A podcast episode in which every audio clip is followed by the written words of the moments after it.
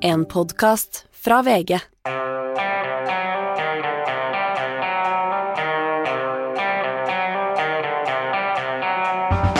Ikke visste jeg at alle disse dagene som kom og gikk, de var selve uke 15, og det er eh, Om ikke den lengste uka, så er det i hvert fall den lengste dagen i året i dag, eh, Per Olav. Jaså, sier du det? Det er langfredag, Sånn, ja. ja.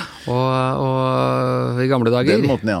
I gamle dager så var det Altså det var en dag hvor absolutt alle ting var stengt. Bensinstasjoner var stengt. eh, Det var ikke lov å Altså hvis det var noen åpne steder eh, med konsert eller noe sånt, så satt de i stoler på gulvet så ingen skulle danse. Det var virkelig eh, Virkelig en spesiell dag. Ja, da, og det er jo, Men langfredag er jo faktisk en helligdag i de fleste land. altså I motsetning til skjærtorsdag og annen påskedag, som vi har som sånne særnorske helligdager, så blir jo langfredag observert i de fleste land, i hvert fall i vår kulturkrets. da. Ja, det gjør det, men jeg må si, både du og jeg har opplevd den i, i New York og sånne ting. Ja, det er liksom Good Friday og, og sånn, men det er en helt egen stemning i Norge fortsatt, vil jeg si, eh, på langfredag. Hvis du går gjennom Oslo eller en annen norsk by på, på langfredag, så Det- er det stillere enn vanlig. Det er det. Men i eh, den norske fjellheimen og så er det nok eh, ikke så mye er, er, ikke så stor forskjell på skjærtorsdag og langfredag eller de Nei. andre dagene i påsken. Det er det selvfølgelig, og det har det aldri vært heller, Nei. i hvert fall ikke i vår tid.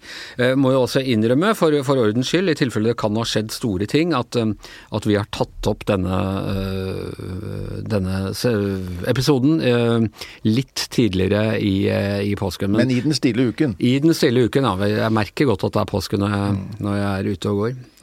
Eh, Jeg tenkte på, Per Olav, eh, for et eh, år siden, og de, hvor mye blir det, de, de egentlig fem foregående årene før det, så snakket vi om den amerikanske presidenten nesten i hver eneste utgave av Gjevrøy-gjengen. Ja, Hvordan kunne det ha seg? Ja, det var, det var merkelig. Men det var eh, Dels var det jo spektakulære store nyheter, og dels var det sånn hvis det ikke var spektakulære store nyheter, var det bare å sjekke Twitter. Hva har eh, Donald Trump- Trump leverte hele tiden. Ja. Og så kunne vi bare sitte her og hyperventilere over eh, det han drev med. Du og jeg som er litt mer enn normalt opptatt av amerikansk politikk, følger jo med på det hele tiden, men da var det veldig mye å snakke om. Det var det. i- Uten tvil. Og eh, det er vel selvfølgelig et sunnhetstegn, men det er ikke så mye å snakke om. Han, altså, eller, det er jo for så vidt ting å snakke om, men det er, må si det er blitt kjedeligere med Joe Biden. Det er vi selvfølgelig glad for på mange måter, men eh, Ja. Hvis du følger Joe Bidens Twitter-konto, så er det ikke eh, harde utfall. Det er ikke så veldig mange store bokstaver og utropstegn der. Det er at han legger ut noe av og til hvor han eh, skryter av noe de har fått gjennomført, og at det går at eh, arbeidsledigheten er lav, og, og at hans økonomiske program virker. Men det er, på det nivået der. Og så snubler han i ordene innimellom. Nettopp. han hadde jo en ikke helt heldig her om at hva var det, han skulle ikke tillate Russland og eh, et eller annet som, som kunne høres ut som om han nå var klar til å gå til krig mot Russland. Hvilket han ikke er. Nei. Så, så det er, det er presisheten i formuleringene er ikke alltid helt eh, topp. Det visste vi mange år før han eh, Det husker jeg var en stor sak da han skulle bli visepresident også, at han har det de amerikanerne kaller foot in mouth disease. At han, at han kan være litt, litt sleivete i uttalelsene sine. Men det går heller ikke veldig bra med ham på øh, denne approval ratingen, altså de der målingene av øh, folk som syns hvorvidt han gjør en god jobb eller ikke. Nei, han er jo nede på et sånt lavt nivå på eh, 40-tallet, 40 par 40 prosent eller noe sånt nå. Det, er, eh, det har sunket eh, jevnt og trutt. Han gikk jo ut med noen og 50 prosent eh, approval rating i begynnelsen, 55 prosent eller noe sånt. Så det, eh, og det gikk ganske bra fram til sommeren i fjor. Um, og det var jo da de egentlig fikk gjennomført en god del. De fikk sendt ut eh, sjekker til amerikanerne med koronastøtte. Mm, Fikk gjennomført eh, en, en ganske omfattende eh, krisepakke, da. Økonomisk krisepakke i fjor sommer. Og da var ting litt sånn på gang. Men utover høsten så stanset mange av disse store forslagene hans de stanset opp i Kongressen. Han møtte motbør. Republikanerne fikk organisert seg, og de har jo vært bare basert seg på å være imot Biden på ett og, i ett og alt, og har lykkes ganske godt eh, med den strategien. Så de står veldig sterkt nå i dette her som blir et mellomvalgår i USA. Jeg husker det samme skjedde mer eller mindre med Obama. Han, han var mye mer populær enn Biden i begynnelsen, men så, så datt han veldig av helsereformen, og alt dette kom eh, i løpet av eh, første sommeren. Men det som jo er litt påfallende, er jo at heller ikke denne krigen i Ukraina, hvor han da har fått agere commander in chief, altså eh, sjef for de væpnede styrker og, og, kjøre tøff tone og, og, i det hele tatt, det har heller ikke bidratt i det hele tatt. Nei, og det er litt overraskende, og det er nok uh, ikke bare et amerikansk fenomen heller, men vi kan jo se først på det med USA. Men Eh, helt fra, egentlig fra desember gjennom hele vinteren så har jo hovedfokus for Biden-administrasjonen og Biden selv vært på eh, Ukraina og på Russland. Eh, først med denne voldsomme styrkeoppbyggingen av, av, russiske styrker på grensen, og amerikanerne som advarte om at nå forberedte Putin krig, eh, hvilket Putin benektet, men likevel, krigen kom. Eh, og den, både før og etter denne krigen så har veldig stor del av fokus vært rettet mot det. Eh, I sånne situasjoner demonstrasjoner så Og amerikanerne i stor grad, vi ser på meningsmålingene, de er jo veldig, stiller seg jo veldig på Ukrainas side i denne overveldende ja, grad. Der, liksom. det er liksom, Opinionen er veldig tydelig. Eh, men det har ikke kommet og, og Biden har på mange måter fungert som en leder for den vestlige allianse. Vært veldig tydelig på dette, snakket veldig mye med sine europeiske allierte. Fått klart å holde både Nato og Vesten sammen i, det, i synet både på sanksjoner og på hva som må gjøres Eh, for eh, å stå imot her. og og han har, vært, eh, han har vært, i Europa eh, nylig og eh, møtt både EU og, og Nato, G7-landene. Spilt en, vært, vært, på banen, for å si det sånn, og vært veldig tydelig. Eh, og tatt et slags lederskap, men det har ikke, ikke gitt ham noen opptur blant amerikanske velgere.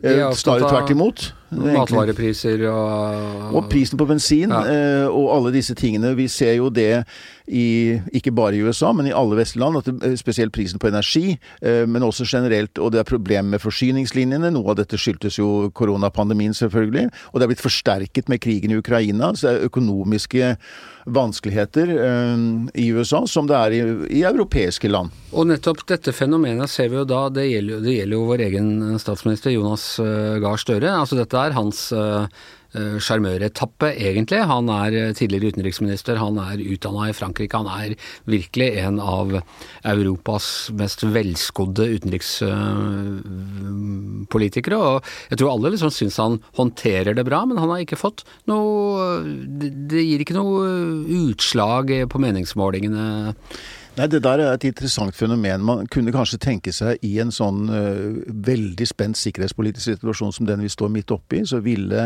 velgerne i større grad gi støtte til den som sitter med, uh, ja, uh, med ansvar, det politiske ansvar i det enkelte land. Um, og som Støre, som du nevner, han har jo vært på tråden både til Putin og til, på, til Zelenskyj flere ganger. Han har samarbeidet nært med, med, med, land i EU, med, med allierte i Nato. alt dette. og og, vært veldig tydelig i denne saken, men det har ikke gitt noen eh, opptur fra Arbeiderpartiet.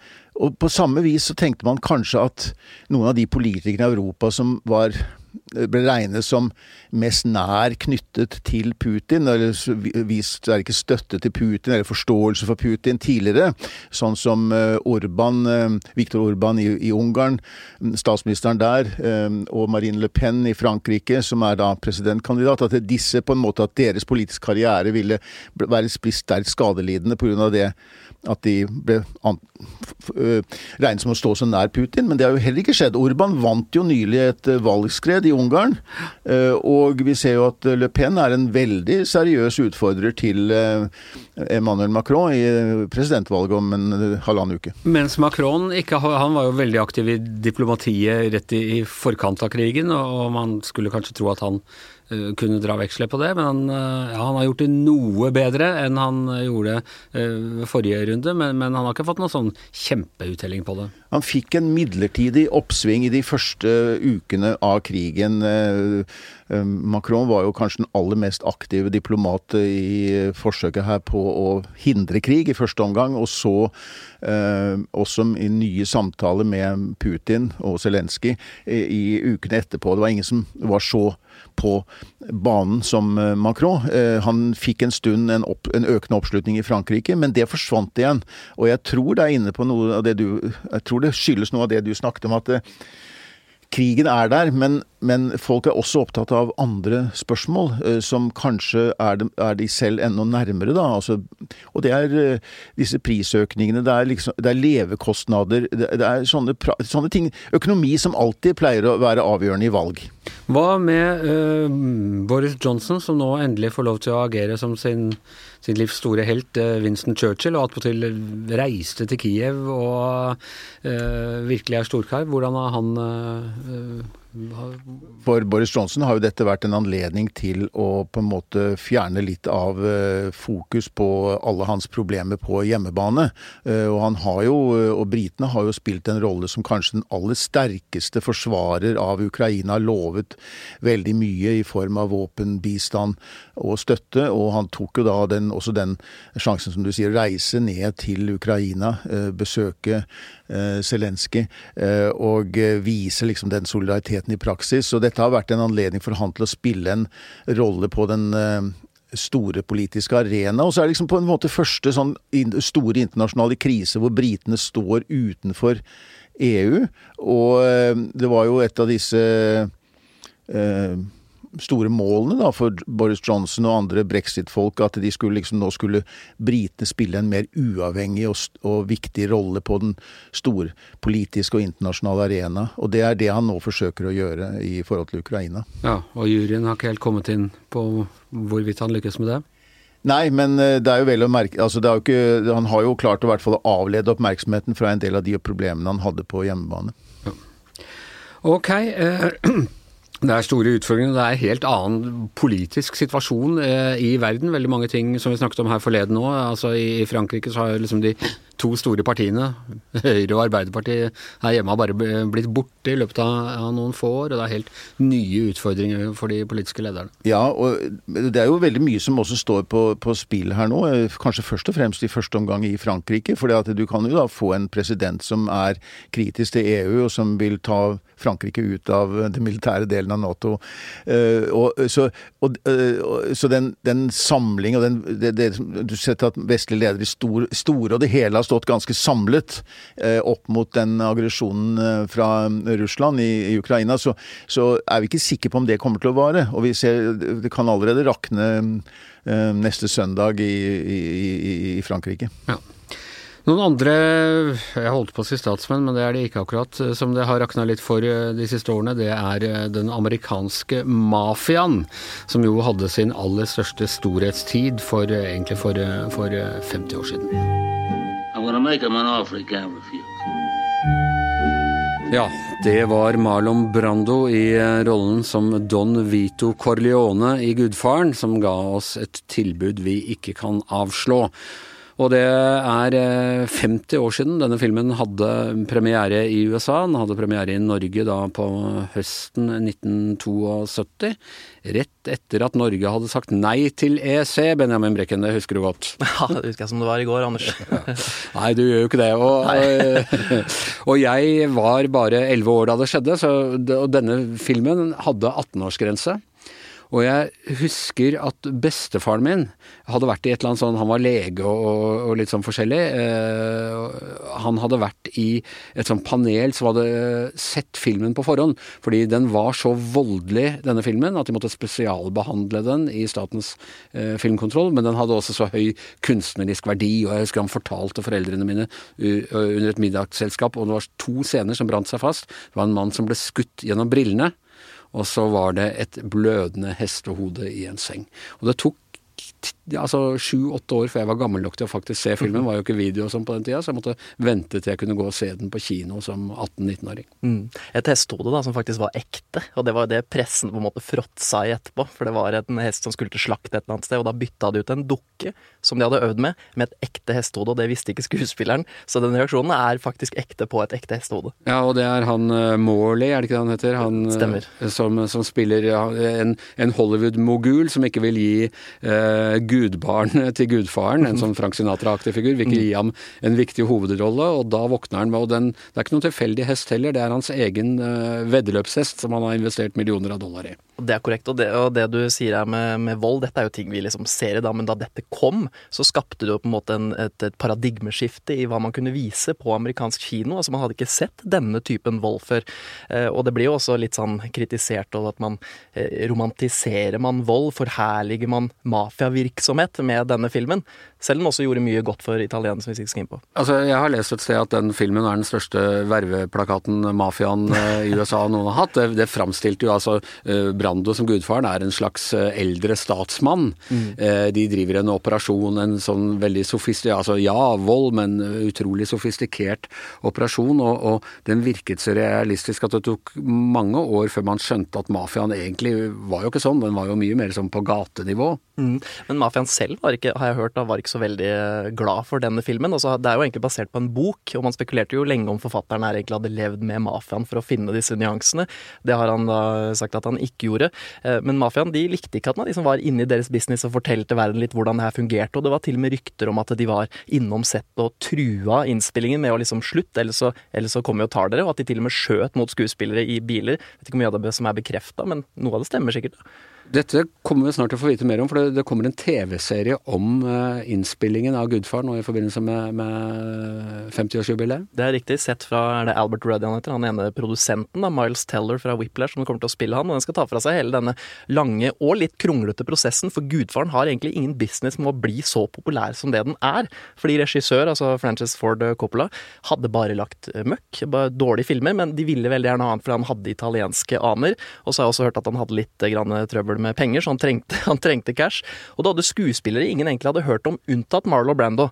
Men på 70-tallet så var han på en måte Folk trodde det var ferdig med han. Han var stor på 50. Og, og, Coppola selv var jo redd skal ha sittet og grått dagen før premieren, fordi han trodde han bare hadde lagd en film om noen menn som sitter i mørke rom og snakker sammen, og så skjer det noe sånn eh, en gang hvert 20. minutt så er det noe dramatikk, og så er det tilbake til eh, å sitte i mørke rom og prate. Ikke sant. Og isteden så har han lagd en film som på en måte revolusjonerer hele eh, hvordan man lager film. Den tar kanskje litt opp tråden fra Citizen Kane, da, hvordan man lager moderne vinkler og innkjøpsbilder og sånn, og hvordan man da eh, videre inspirerer ny Altså, hvor mange filmer er ikke inspirert av gudfaren du har. Eh, Sopranos er riktignok en TV-serie, da, men det var jo det jeg vokste opp med. Så Sopranos er mer mafia for meg enn gudfaren, kanskje. Og den igjen gikk vel vel så mye ut av Goodfellas til Martin Scorsese, som kom 20 år etter eh, gudfaren, og som var mer mafia på gatenivå. Ikke sant, men gutta i Sopranos de siterer jo sjøl gudfaren hele tida.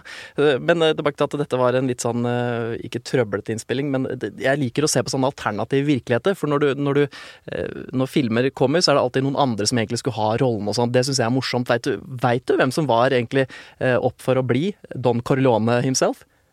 Don Corleone vet jeg ikke. Det var Jack Nicholson. Hvis ikke det var Michael, da. Jack Nicholson prøvde. Sylvester Stallone skulle hatt en rolle. Frank Sinatra skulle egentlig vært Corleone. Ja, altså, og i hvert fall være med som han, han sangeren. Jeg vet også at Ryan O'Neill, som nå verden kanskje har glemt i ettertid, men han var stor etter en film som het Love Story, mm. fra de samme produsentene. Og han er sånn lys wasp fra Connecticut eller noen sånne ting. Så det å få inn uh, Al Pacino, som jo er noe av uh, genistreken, og jeg vet at uh, Coppola var veldig opptatt av å få inn Al Pacino, for han mente det er disse scenene hvor han har, eh, han har skutt en politimann i New York. Han må gjemmes unna på Sicilia. Og da ville Coppola at du skal se når han er på Sicilia, at det er her han kommer fra. Al Pacino som jo ble Han ble vel Oscar-nominert i beste Der var det litt kluss for at dette, denne Oscar-året her, der var det mye drama. Ikke Will Smith slår noen i ansiktet-drama, men du hadde Al Pacino som ble nominert til beste supporting actor, og nekta å møte opp på Oscar fordi han mente at han har nok mer screentime enn Marlo Brandon, eh, og mente at han skulle vært nominert der, så han valgte å ikke møte opp. Så vant jo Marlo til slutt, da. Ja. Og du, dette vet sikkert du vet hvem som delte ut den prisen? Ja, det var, det var Liv Ullmann, og vi snakka om det her for et par uker siden også da du var i, eh, i Hollywood. Men Brando kom jo ikke og tok det imot. Han sendte en eh, A Native American Girl, er det vel vi, vi sier i Var det det? Little Feather» Ashlyn, og leste opp et brev fra Marlon Brando, veit jeg, hvor han kritiserte Hollywood for å fremstille urbefolkningen på en dårlig måte. Derfor ville ikke han være med. Men det, men det at sorry Mer det at, trivia. Hun stilte i Playboy noen uker seinere. Nei, er det sant? Men det at, at, Al Pacino da ikke møtte opp, eh, tror jo folk gjorde at han ikke ble nominert for Gudfaren 2.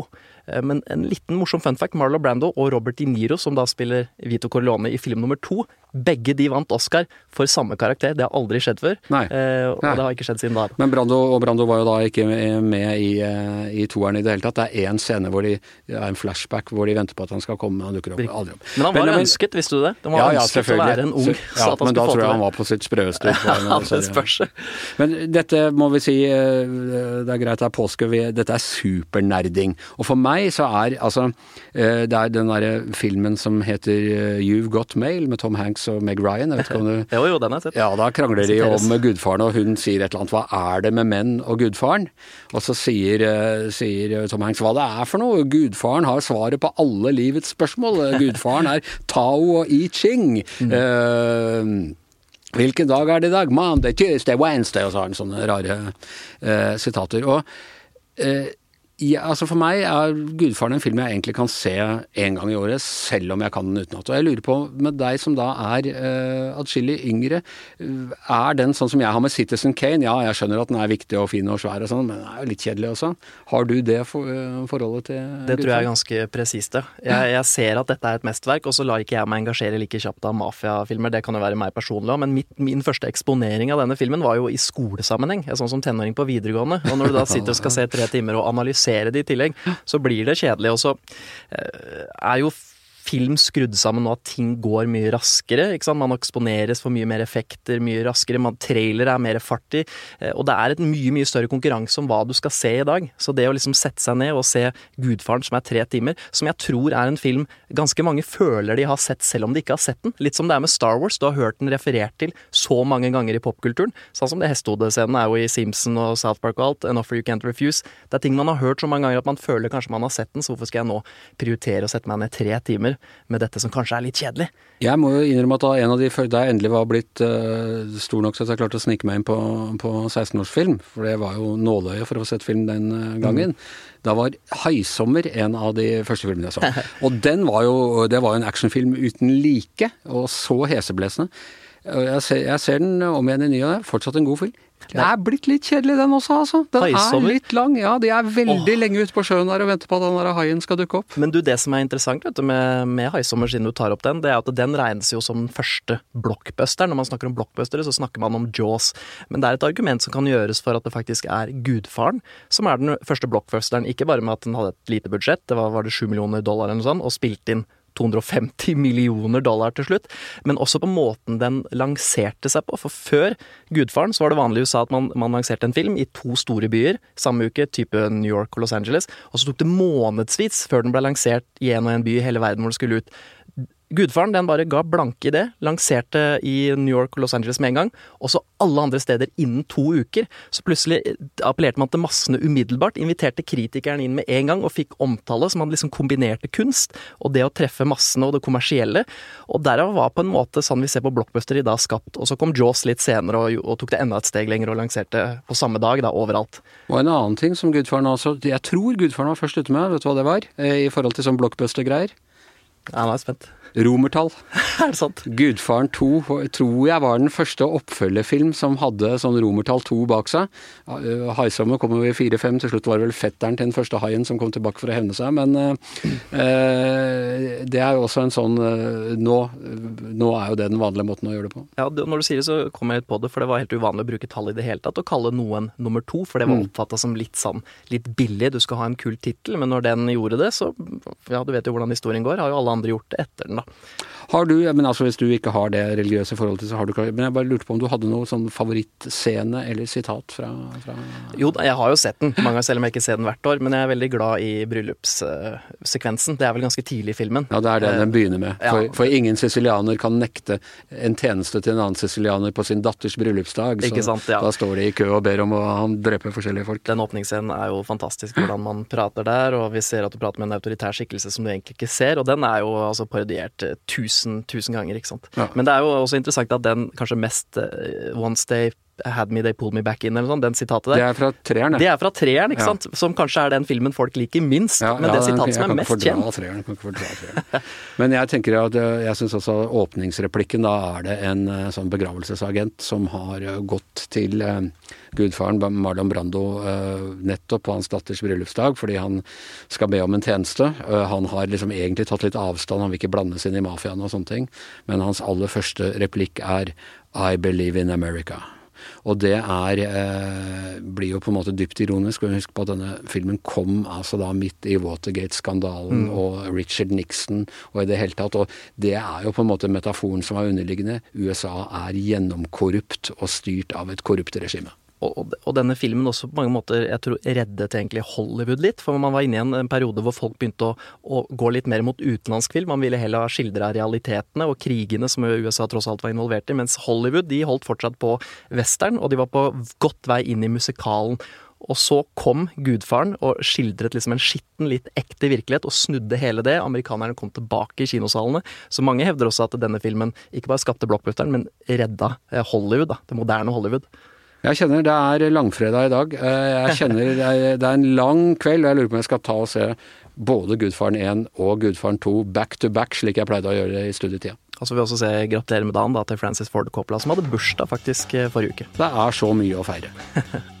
Og med det er Giæver og gjengen over på denne langfredagen. Eh, Nå er vi ikke tilbake igjen før neste tirsdag. Tusen takk til Benjamin Brekken. Tusen takk til Per Olav eh, Ødegaard. Jeg heter Anders Giæver, og produsent og podfather er som vanlig Magne Antonsen.